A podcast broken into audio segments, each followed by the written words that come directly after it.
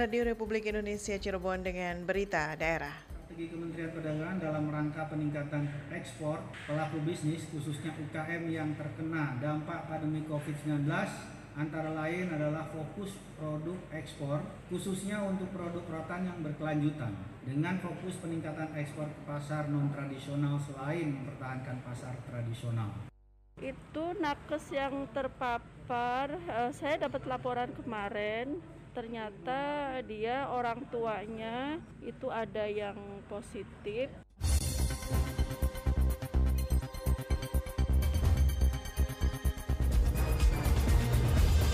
Sari berita, pangsa pasar rotan Indonesia masih jauh di bawah negara RRT dan Vietnam. Pemeriksaan swab test di kalangan petani prosesnya lambat. Bersama saya Lisma Julia Sari, inilah berita daerah selengkapnya.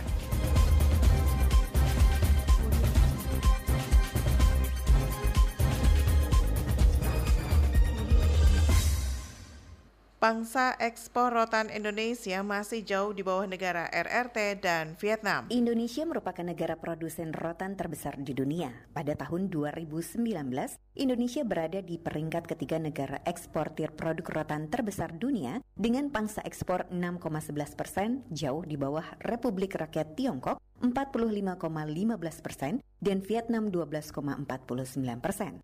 Hal itu ditegaskan Menteri Perdagangan RI Agus Suparmanto ketika berada di Cirebon.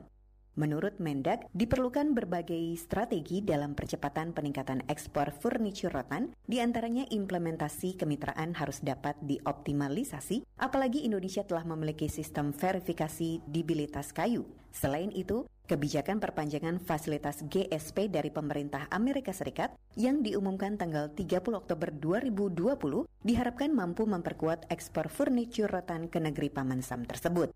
Mendak juga mengupayakan penyelesaian perundingan perdagangan dengan negara mitra yang menjadi target ekspor Indonesia seperti Uni Eropa. Strategi lain untuk menggiatkan ekspor produk rotan, tegas Agus Suparmanto, fokus produk ekspor khususnya produk yang berkelanjutan. Strategi Kementerian Perdagangan dalam rangka peningkatan ekspor pelaku bisnis khususnya UKM yang terkena dampak pandemi COVID-19 antara lain adalah fokus produk ekspor khususnya untuk produk rotan yang berkelanjutan dengan fokus peningkatan ekspor ke pasar non tradisional selain mempertahankan pasar tradisional. Relaksasi ekspor dan impor untuk percepatan ekspor, mempermudah dan mempercepat pelayanan surat SKA atau surat keterangan asal termasuk peningkatan fasilitasi perdagangan dalam memproses perizinan ekspor impor serta percepatan layanan nasional logistik ekosistem. Pelatihan bagi calon eksportir baru melalui pelatihan dan pendampingan ekspor serta ekspor coaching program, optimalisasi regulasi dan implementasi e-commerce serta platform digital termasuk pengguna media sosial untuk promosi produk ekspor. Meningkatkan penyediaan trade financing melalui kerjasama perbankan dan lembaga keuangan non perbankan seperti LPII bagi eksportir UKM, yaitu langkah konkret Kementerian Perdagangan dengan perbankan yaitu BNI dan BRI serta LPI dalam mendorong UKM ekspor melalui pembiayaan ekspor kepada 11 pelaku usaha UKM ekspor. Ditambahkan Menteri Perdagangan Agus Suparmanto, peningkatan akses pasar dilakukan melalui promosi ekspor, bisnis matching, dan pameran dagang internasional secara online maupun offline, serta peningkatan daya saing dan pengembangan produk ekspor melalui program unggulan Indonesia, Design Development Center dalam Designers Dispatch Service, dan pendampingan sertifikasi produk oriented ekspor yang berstandar internasional. Neila Fitriana melaporkan. Salah satu UMKM binaan kantor perwakilan Bank Indonesia KPWBI Cirebon CV Dita Mandiri Persada berhasil menarik minat pasar luar negeri. Produsen rotan handmade ini telah mengekspor produknya berupa keranjang seperti oval pot, road pot, leg basket, square lock basket, round lock basket sebanyak 700 set. CV semua produk dibuat dari rotan yang dibuat secara homemade dan mengusung ciri khas tradisional Indonesia. Kepala KPWBI Cirebon Bakti Artanta mengatakan pihaknya memberikan pendampingan mencakup pengembangan kapasitas, penguatan branding, penguatan marketing, dan penyediaan outlet pasar dalam dan luar negeri. Pendampingan ini bertujuan untuk meningkatkan kualitas produk unggulan usaha syariah agar mampu menembus dan bersaing di pasar global sehingga meningkatkan nilai ekspor sebagai produk yang dihasilkan. Menurut Bakti Artanta, yang membuat Afrika Selatan tertarik karena menggunakan pewarnaan alam dan rendaman lumpur yang menghasilkan warna hitam natural. Afrika Selatan jatuh cinta pada produk lokal buatan desa Jeruk Leet, Kecamatan Sindangwangi, Kabupaten Majalengka. Sementara Asep Surahman dari CV Dita Mandiri Persada mengatakan, selama menjadi UMKM binaan KPBI Cirebon, bisa mendapatkan program pelatihan onboarding, mengikuti pameran fisik maupun virtual dan lainnya. Masyarakat dan para pengusaha di wilayah kota Cirebon diminta tegas dalam menerapkan protokol kesehatan agar tidak lagi ada kasus COVID-19. Perekonomian di wilayah kota Cirebon secara perlahan mulai bangkit setelah lama mengalami perlambatan dengan adanya PSBB dan pembatasan lainnya. Hal itu berdampak buruk dengan lesunya perekonomian masyarakat karena dampak dari pandemi COVID-19 di Indonesia termasuk di kota Cirebon. Pengetatan protokol kesehatan menjadi hal yang wajib dalam setiap melakukan aktivitas, terutama saat di luar rumah. Penekanan dan harapan tersebut dilontarkan Wali Kota Cirebon Nasruddin Ajis kepada RRI. Besar harapan tandas Ajis masyarakat dan para pengusaha di wilayah kota Cirebon dan sekitarnya bisa tegas akan protokol kesehatan agar tidak terjadi lagi kasus COVID-19. Kami inginkan adalah sekarang masyarakat kota Cirebon dan pelaku-pelaku usaha yang ada di kota Cirebon ini harus benar-benar melaksanakan disiplin dalam menjalankan protokol kesehatan. Itu yang saya tegaskan. Ekonomi, yes. Corona, No. Kesadaran masyarakat akan protokol kesehatan saat ini sangat penting sekali, di samping juga peran dari para pengusaha yang membuka gerai usahanya, mulai dari mall, rumah makan, dan lain sebagainya juga harus ketat dalam memberikan anjuran dan himbauan akan protokol kesehatan demi memutus mata rantai COVID-19. Aji Satria melaporkan. Tenaga kesehatan yang bekerja di kantor PSC 911 Dinas Kesehatan Kabupaten Cirebon di Sumber terkonfirmasi positif COVID-19. Terkait hal tersebut, Kepala Dinas Kesehatan Haji Enisa ini menjelaskan, tenaga kesehatan yang terpapar COVID-19 tersebut dari orang tuanya yang telah melakukan perjalanan. Itu nakes yang terpapar, eh, saya dapat laporan kemarin, ternyata dia orang tuanya itu ada yang positif orang tuanya dari ibunya ya ibunya salah satu nakes itu ada yang positif kemudian karena mungkin satu satu rumah ya sehingga akhirnya ya yang PC itu ada yang terpapar itu jadi terpapar dari orang tuanya yang tinggal di rumah. Dari perjalanan kayaknya ya. Eni Muha Eni Suhaini maksud kami mengatakan tenaga kesehatan yang terkonfirmasi COVID-19 sudah melakukan isolasi mandiri. Sedangkan kantor PSC 911 Dinas Kesehatan Kabupaten Cirebon tidak di lockdown, namun masih memberikan pelayanan namun terbatas. Biasanya tenaga kesehatan di kantor PSC 911 Dinas Kesehatan Kabupaten Cirebon bekerja 24 jam yang terbagi dalam tiga shift. Dengan adanya tenaga kesehatan yang terpapar, mengakibatkan pelayanan hanya dilakukan hingga sore hari.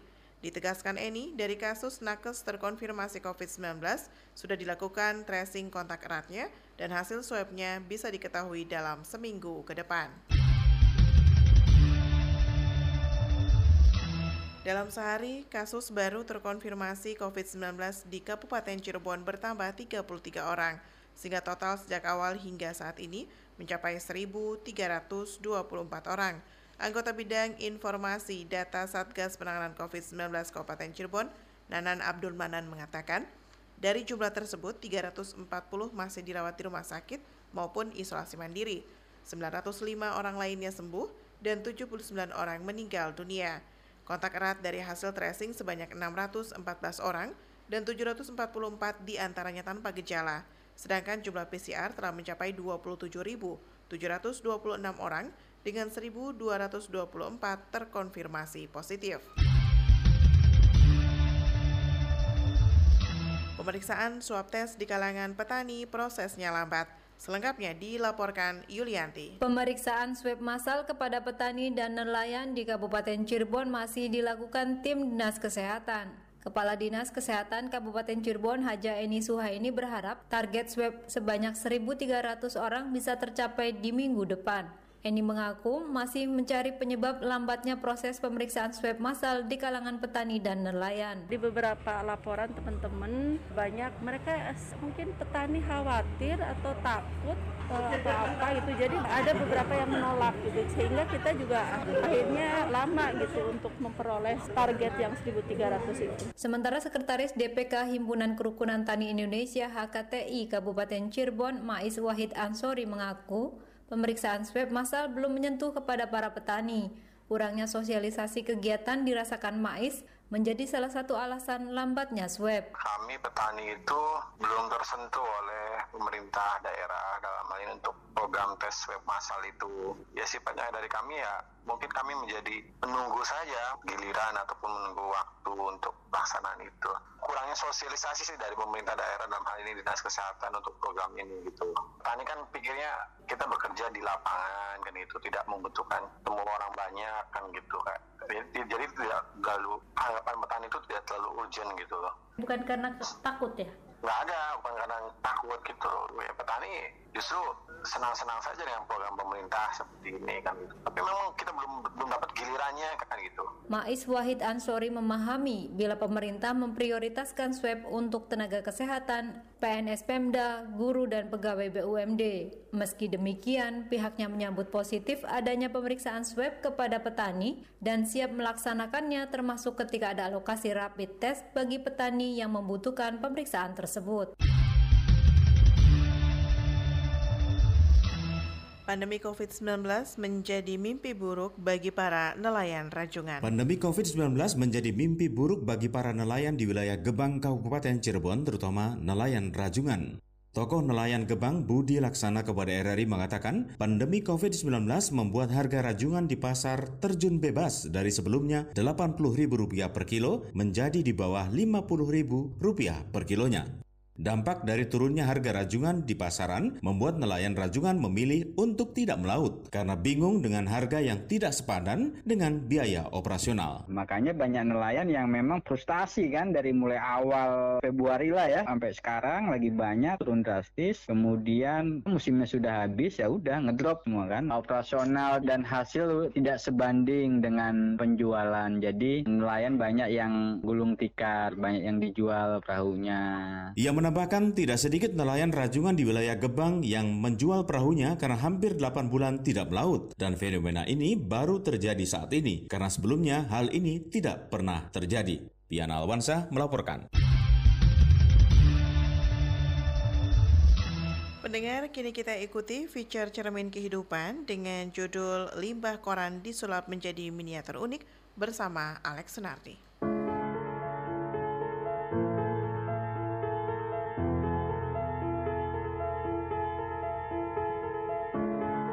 Di tangan orang yang kreatif, barang bekas yang tidak berguna dan dianggap sampah bisa disulap menjadi sesuatu hal yang bernilai ekonomis.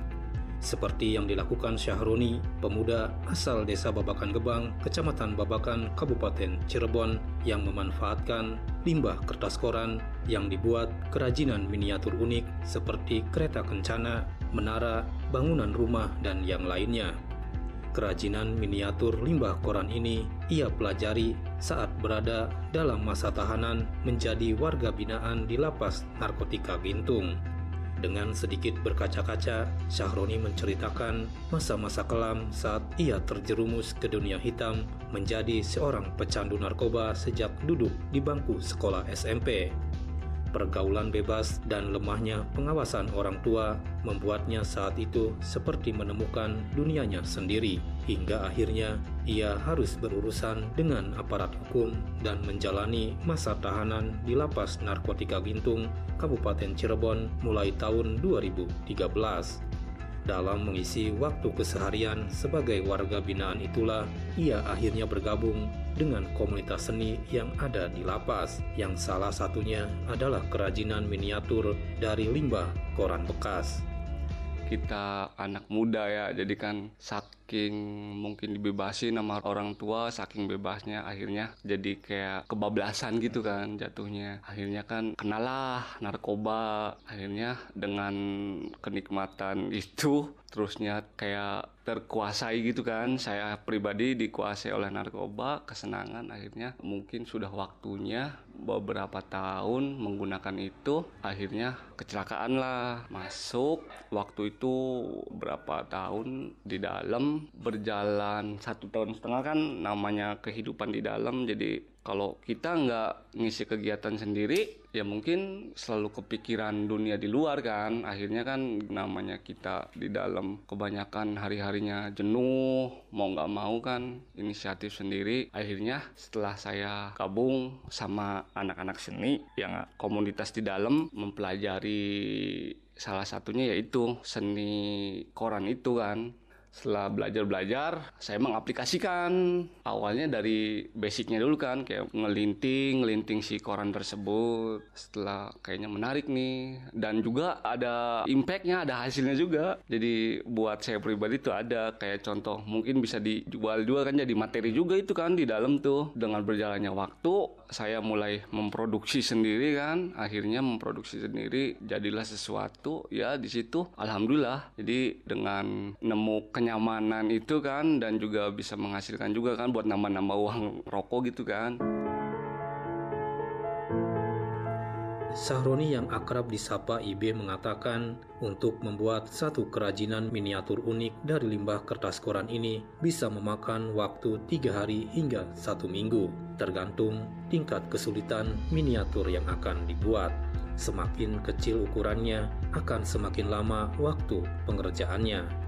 Salah satu hasil karya yang paling diminati adalah kereta kencana Paksi Nagaliman yang menjadi ikon keraton di Cirebon beberapa instansi pemerintahan di Kabupaten Cirebon sangat tertarik dengan karya miniatur kereta kencana dan berani membeli mahal dengan harga 400 hingga 500 ribu rupiah.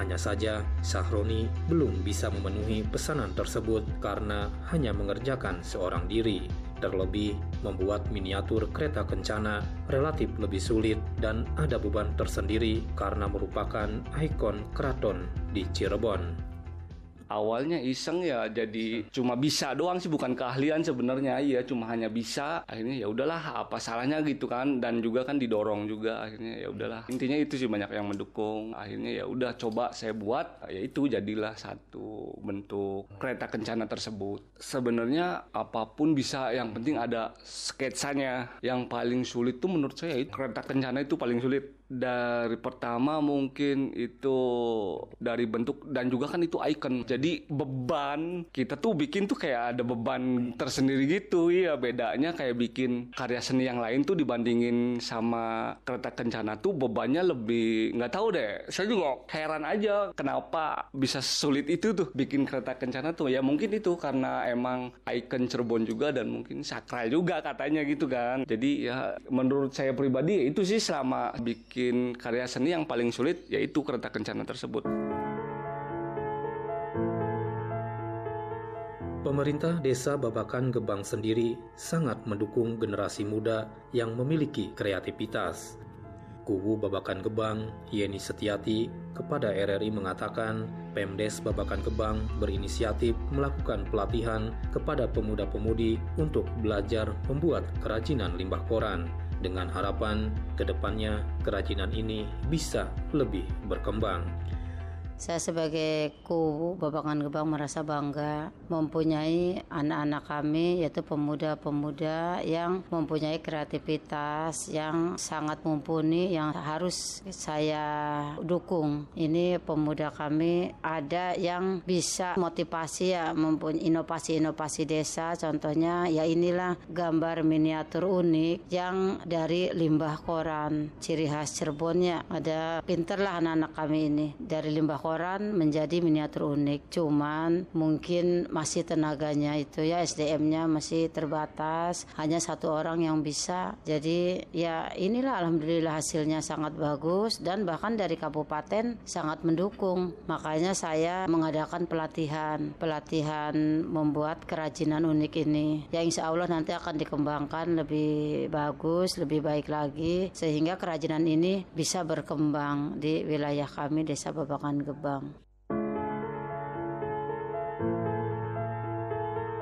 Perjuangan seorang Syahroni untuk lepas dari jeratan narkoba dan bangkit dari keterpurukan hingga akhirnya bisa menghasilkan sebuah karya seni yang bernilai ekonomis patut menjadi inspirasi bagi siapa pun. Sosok seorang Syahroni mengajarkan bahwa keterpurukan dalam hidup bukanlah akhir dari segalanya, karena yang pasti masih banyak jalan untuk berubah menjadi lebih baik dan meraih kesuksesan. Demikian cermin kehidupan produksi RRI Cirebon. Saya Alex Sunardi mengucapkan terima kasih dan sampai jumpa.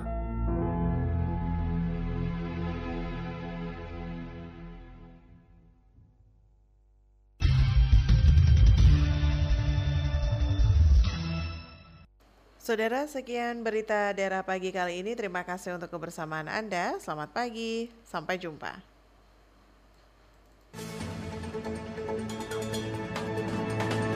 Demikian rangkaian berita aktual pagi ini dalam Buletin Berita Daerah Radio Republik Indonesia Cirebon.